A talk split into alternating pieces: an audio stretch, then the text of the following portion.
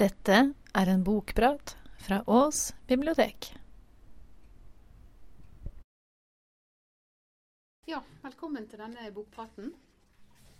Jeg skal snakke om eh, Leif Enger sin eh, seneste bok på norsk, 'Så ung, så kjekk, så modig'. Dette er en bok som han skrev i 2008, faktisk. Så den er jo for så vidt gammel, men ny for oss. Det var et nytt bekjentskap for meg i 2012, når den første boken hans kom på norsk. Det var den som het 'Ned til elva'. Den likte jeg veldig godt, så jeg tenkte jeg ville lese denne òg. Det er litt det samme miljøet, dere skal få bli kjent med flere fascinerende personer. Beklager å måtte skuffe deg, men jeg har det egentlig ikke så verst. I hvert fall ikke til forfatter å være.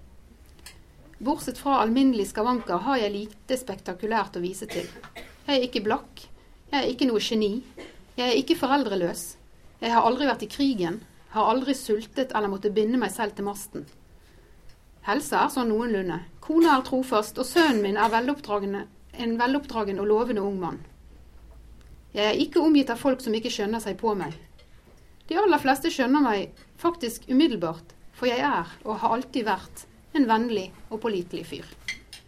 Du, en vilt fremmed, kunne komme inn døren i dette øyeblikk, og jeg ville budt deg på kaffe og en god stol. Ville vi fått en trivelig prat? Det er jeg helt sikker på vi ville, men du ville nok snart kjede deg. Her, på side én, befinner jeg meg ikke engang i spennende omgivelser, f.eks. på et mentalsykehus, på et skip i trampfart eller i Madrid. Jeg lover at det litt senere vil bli et par spennende forfølgelsesscener, og at kruttrøyken vil rive litt i nesen. Men her i begynnelsen er det bare gamle, flate Minnesota, og jeg sitter på verandaen hjemme i det hyggelige huset mitt og prøver å sy sammen det slappe midtpartiet i min sjuende roman på fem år. Sju romaner, tenker du kanskje. Jo da, det stemmer det. Men ingen av dem er skrevet ferdig. Det priser jeg meg lykkelig for, og det bør du gjøre også. Roman nummer sju handlet om en staut, men stadig mer ufordragelig gårdsarbeider, som er Dan Roscoe. Han var en likende nok kar i begynnelsen, men ble bare mer og mer bråkjekk, side for side. Lakonisk vidd var ikke noe for Dan. Det var ham jeg satt og skrev om, og stadig akket meg over, den morgenen jeg så Glendon Hale for første gang. Han rodde oppover Cannon River, mellom de kveilende bankene med dis. Det var en nydelig, sval vårmorgen med fuglekvitter og dugg på blomster og busker. Jeg skulle gjerne vært ute på elva selv, men Dan Roscoe hadde noen kvegtjuver han skulle fakke, og ei jente han skulle erobre. Ingen av delene virket særlig sannsynlig. Å, så jeg akket meg på den tiden. Jeg trengte et eller annet som kunne åpne historien for meg, men du vet hvordan det er. En hyggelig liten overraskelse hadde vært greit, det også. Jeg hørte knirkingen fra årepinnene og myste nedover elva. Ut av disen kom en hvithåret fyr roende. Han rodde stående med ansiktet vendt fremover, og han var ikke helt stø. To ganger mens jeg betraktet ham, traff ikke de smale åretakene hans vannet engang, og han sjanglet som en annen Don Quijote mens han hoiet til seg selv. Han virket sant å si litt påseilet, enda så tidlig på dagen det var. Håret var som sagt hvitt, barten også. Det samme var skjorta. Ja, til og med båten var hvit. Så han virket nesten spøkelses- eller engleaktig, selv om han så ut til å være på en snurr. Frem kom han mellom de vikende tåkebankene. Den dag i dag vet jeg ikke hva som gikk av meg da jeg så ham nærme seg. Jeg reiste meg fra skrivingen min og ropte hallo. Hallo, ja, svarte han uten å slutte å ro. Fin båt, ropte jeg. Fin elv, svarte han. Et opplagt svar som bare ga meg enda mer lyst til å komme meg ut på vannet. Men han saknet ikke farten, slik en kanskje kunne forvente at han av høflighet ville gjøre. Så jeg trådde ned fra verandaen og småløp ned til den lille bryggen sønnen min hadde bygd for å ha et sted å fiske fra. Tid til å stoppe en stund, få deg en kopp kaffe, sa jeg og hørtes nok påtrengende ut, enda jeg ikke er det minste utadvendt, bare spør Susanna. Kanskje det, svarte han, men han var allerede et godt stykke forbi og forsvant igjen i disen. Jeg fikk et siste glimt av den spisse, elegant svungne akterstavnen på båten. Så ble den helt borte, men gjennom disen kunne jeg høre den gamle mannens åretak, de gnissende årepinnene, og noe som muligens var en tilfreds latter, som om han hadde utført et mystisk forsvinningsnummer som moret ham like mye hver gang. Sånn er det altså at forfatteren Monte Beckett, som jeg-person heter, møter den mystiske Glendon Hale første gang. Og Det viser seg det at Hale han bor i en låve ikke så langt ifra gården til Beckett. Og Der lager han sånne elvebåter. Og Monte han begynner å henge rundt i denne låven, for han har jo litt problemer med å få ned 1000 ord for dagen på papiret. Det er det han har satt seg som et mål, men det blir vanskeligere og vanskeligere. Glenden han forteller ikke så veldig mye om seg sjøl, eh, men han gjør det klart for Monte at han er ikke Guds beste barn. Men Monte han har sine egne problemer, og han mener at uærlighet kan ta mange former. Du skal vite at jeg er en upålitelig person, en dårlig venn, sa han. En dårlig venn er bedre enn ingen venn, svarte jeg. Det er underlig å innse at du ikke har noen venner utenfor familien, noe som ikke hadde gått opp for meg før i dette øyeblikk. Jeg har ikke alltid fulgt loven til punkt og prikke, erklærte Glendon. Og jeg har ikke alltid fulgt min samvittighet. Han betraktet meg. Jeg har sett innsiden av mer enn én fengselscelle. Det er ikke noe jeg er stolt av eller har lyst til å snakke om og jeg tar meg en klunk whisky nå og da. Ja, jeg er en juksemaker og en bedrager som i to år har løyet jevnlig overfor mange mennesker, deriblant konen min. Snart vil det bli oppdaget, og jeg vil miste enhver anseelse jeg har klart å bygge opp. Glendon virket forbløffet. Tilståelsen min var kanskje litt for spesifikk for anledningen, men jeg kunne ha fortsatt i det uendelige. Jeg fikk lyst til å le. Drikker du? spurte han. Nei, ikke ennå. En kar som deg vil ikke finne det særlig praktisk med en guttunge rundt seg og alt det der. Det er ikke særlig praktisk for meg engang. Du kunne jo slutte. Ja, det kunne jeg, men jeg kommer antagelig ikke til å gjøre det. Farvel, Beckett. Farvel, Glendon. Hale, svarte han. Navnet er Glendon Hale. Og selv om Glendon er ganske reservert, så blir han en hyppig gjest hjemme hos familien Beckett. Og det er nok eh, mye pga. sønnen Redstart, som er veldig interessert i å høre som, alt som eh, Glendon har å fortelle. Eh, og Montes kone Susanna hun liker òg veldig godt denne eldre, litt reserverte mannen. Og sønnen han drar ut av han alle disse spennende fortellingene. Om bl.a. kvegdrifter og cowboyer og desperadoer. Og Glenden forteller bl.a. at han fire ganger har vært om bord på et tog som var, ble ranet, og det kostet han ikke en eneste cent noen av gangene. Så det er veldig tydelig at Glenden har reist langt, og han har opplevd mye. Men det er når Susanna får han til å fortelle om konen sin, Blue, at de skjønner at, han, at de er kommet til et punkt i livet hans som virkelig betyr mye for han. Hva slags type var hun? spurte Susanna. Å, hun var lett på foten. Et våkent blikk. Alt slikt som sjarmerer en ung mann. Men hun var veldig taus av seg. Jeg kunne litt spansk, men hun nikket bare når jeg sa noe til henne. Jeg ville så gjerne høre stemmen hennes, men hun ga meg ikke den gleden. Ikke i begynnelsen.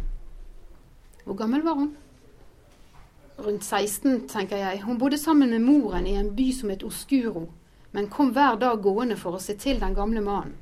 Luftet ut og lagde mat. Jeg tror det gikk en uke før jeg hørte stemmen hennes. Susanna smilte. Monte var ikke på langt nær så tålmodig frier. Ja, jeg var kanskje litt vel tålmodig, svarte Glendon. Da jeg omsider fikk høre stemmen hennes, klarte jeg ikke å dra derfra. Nei, da måtte jeg høre henne le også. Og det ble enda mer venting. Hun pleide å komme og sitte og se på mens jeg vølet båten til den gamle mannen. Den holdt på å ramle fra hverandre, du kunne stikke tommel gjennom den noen steder. Han var for stiv og støl til å gjøre det selv, men han var en god læremester. Jeg bente nye bord og tjærebredde den, mens Blue satt og så på. Hver eneste dag prøvde jeg å få henne til å le. Jeg fortalte morsomheter og skar komiske grimaser, men akkurat den liflige lyden fikk jeg ikke høre før båten var ferdig reparert og jeg tok henne med ut på sjøen. Jeg fikk opp seilet i god vind, og av gårde fløy vi. Og da lo hun omsider. Jeg skjønner godt at hun falt for deg, sa Susanna med blussende kinn. Hun hadde selv falt for Glendon. Det hadde vi alle. Det var nok ikke først og fremst meg hun falt for, sa Glendon Brydd. En seilbåt gjør susen. Det vet alle. Det er mulig at det Glendon forteller familien Beckett om Blue, som får Glendon til å tenke mer på, på fortiden. Det kommer ikke helt klart frem. Det er faktisk 20 år siden Glendon så sin kone. Det høres ut som det var i går, men det er 20 år siden. Og han kommer ikke med så mange detaljer, men vi forstår det at kanskje omstendighetene omkring hans avskjed ikke var helt uproblematiske. Men så, en dag, så kommer Glendon til Monte med et uventet spørsmål.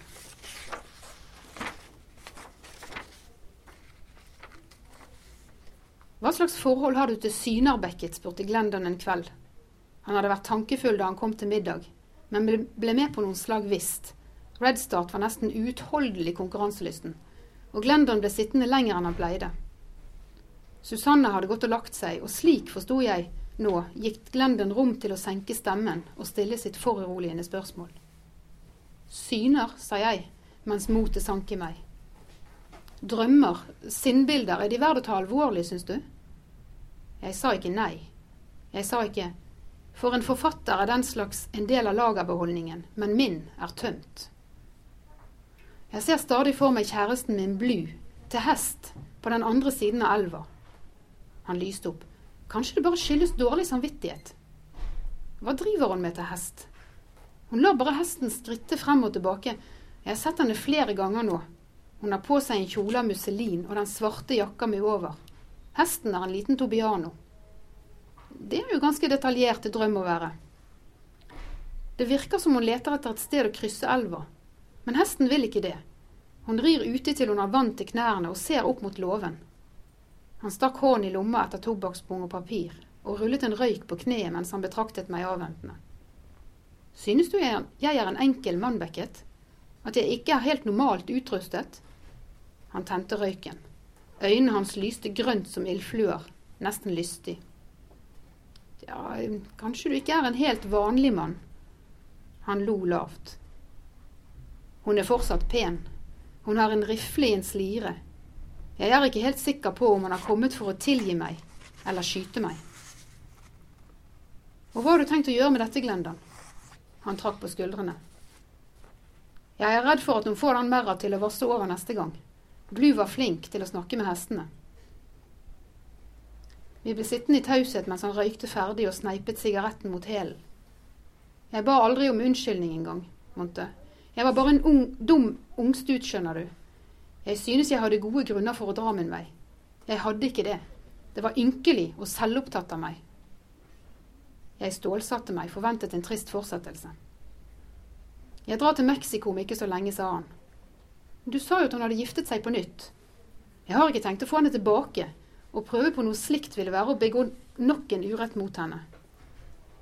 Etter så mange år betyr det noe om fra eller til om hun tilgir deg eller, ikke. Det som betyr noe, er at jeg spør. Husker du hvor mismodig jeg ble da Glendon rodde forbi den første gangen uten å stoppe? Nå vendte følelsen tilbake, med en bitter ettersmak. Det er trist at du drar. Jeg prøvde å ikke høres fornærmet ut, men lyktes dårlig. Når blir det? På lørdag. Skulle gjerne ha dratt før, men jeg må ferdig i en båt. Jeg svarte ikke. Idet han nevnte båtene, begynte tanken igjen å spinne om oss to som en slags kompanjonger. Jeg skjønte nå at det var det rene tøv, en latterlig flukt bort fra alt jeg ikke formådde. Men jeg slapp nødig tanken. Kunne du tenke deg å bli med, Beckett? Hva for noe? Bli med til Mexico? Jeg fikk umiddelbart klump i halsen. Jeg var så glad for å bli spurt, men selvfølgelig kunne jeg ikke dra. Jeg sa det bare ikke med en gang. Jeg vil sette pris på ditt selskap. Du er hjemme igjen om seks uker. Men jeg skjønner det om du ikke syns du kan gjøre det. Du har jo Susanne og Redstart å tenke på. Jeg synes selv det er leist å reise fra dem. Det ble stille en liten stund mens vi begge ble sittende og tenke. Kanskje han også ble litt usikker. Og så du har jo de tusen ordene om dagen du skal skrive, la han til. Skamrødmen brant i kinnene. Hodet surret av tanker om hva Susanna ville sagt til dette tilbudet. Hvorfor er det slik at våre svakheter bare får oss til å se dem vi svikter, enda klarere. Jeg så for meg Red Start le henrykt av å utvide sin anselige kunnskap med enda et spennende faktum. Jeg så ham for meg skrevs over Chief, i tett skritt, virvle opp støv i gresset. Jeg skulle gjerne blitt med, Glendon, men, men du har helt rett, jeg har ansvar for dem her hjemme. Han nikket, slo seg på lårene for å vekke muskulaturen til live, og bega seg ned mot elva. Han var ikke helt stø, så det tok sin tid. Så hørte jeg skrittene hans på brygga, deretter årene i årepinnene. Og så stillhet. Langt borte på elva ble en fyrstikk tent. Så Glendon han drar tilbake til låven sin, eh, og nå er Monte i en sånn opprørt sinnstilstand at han har fått mot, eller fortvilelse nok, til at han tilstår for Susanna hvordan det ligger an med de tusen ordene for dagen, og den ufyselige Dan Roscoe. Og han sier òg at han har fått tilbud om å få tilbake den gamle jobben sin på eh, postkontoret.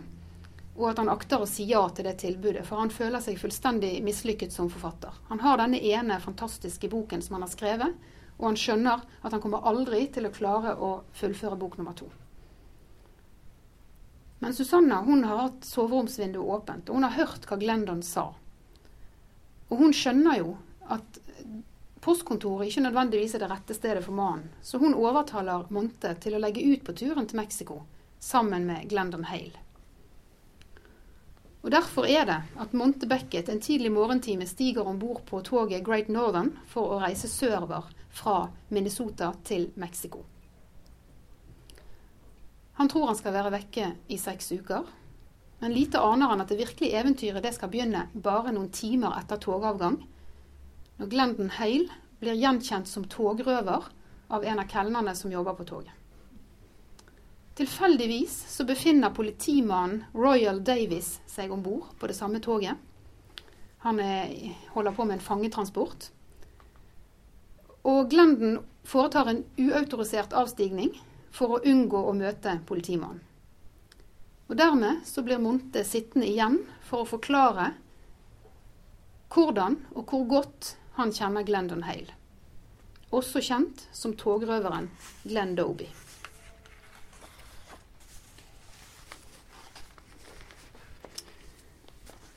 Jeg vil gjerne få notere navnet ditt om du ikke har noe imot det.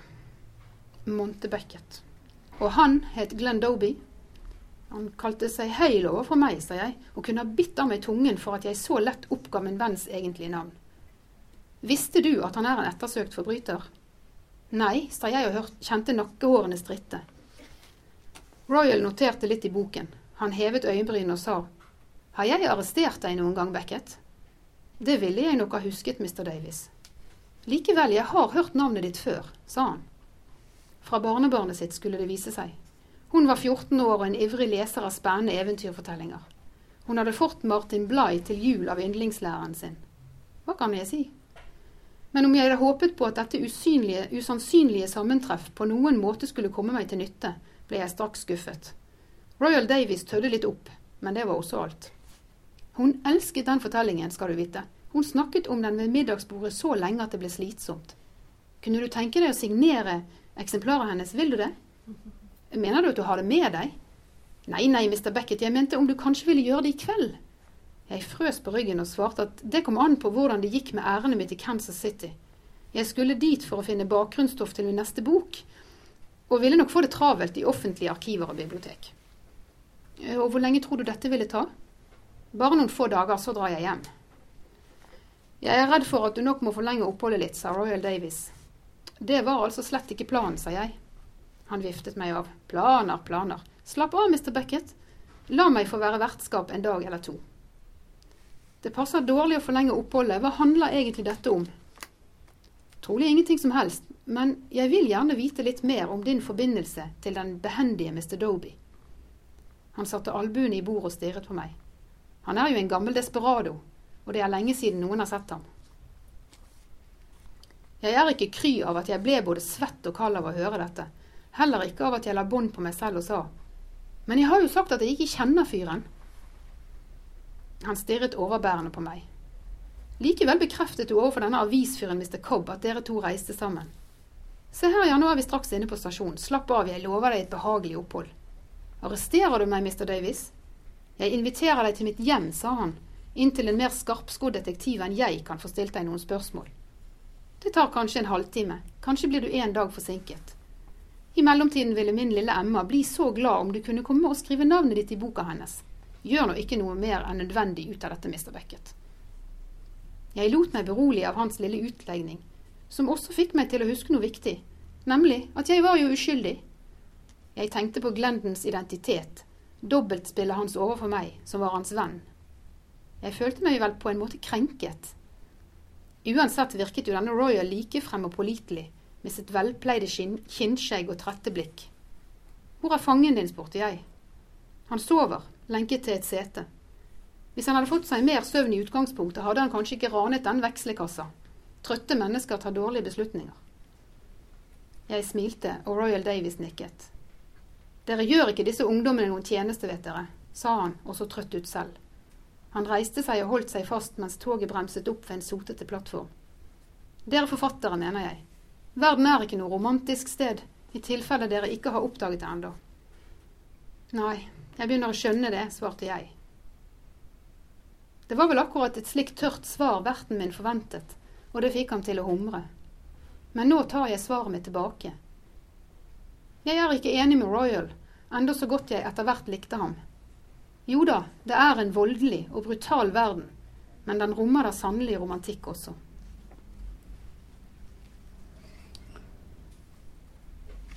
Nå er vi kommet til side 58 av bokens 327 sider. Det er ganske åpenbart at Beckett ikke kommer til å reise tilbake hjem fra Kansas City. Det kommer til å ta mer enn seks uker før han får se gården sin igjen. Og innen den tid så er han blitt en annen mann. Leif Enger han er en forfatter som ikke kvier seg for å legge opp til en stor og dramatisk fortelling.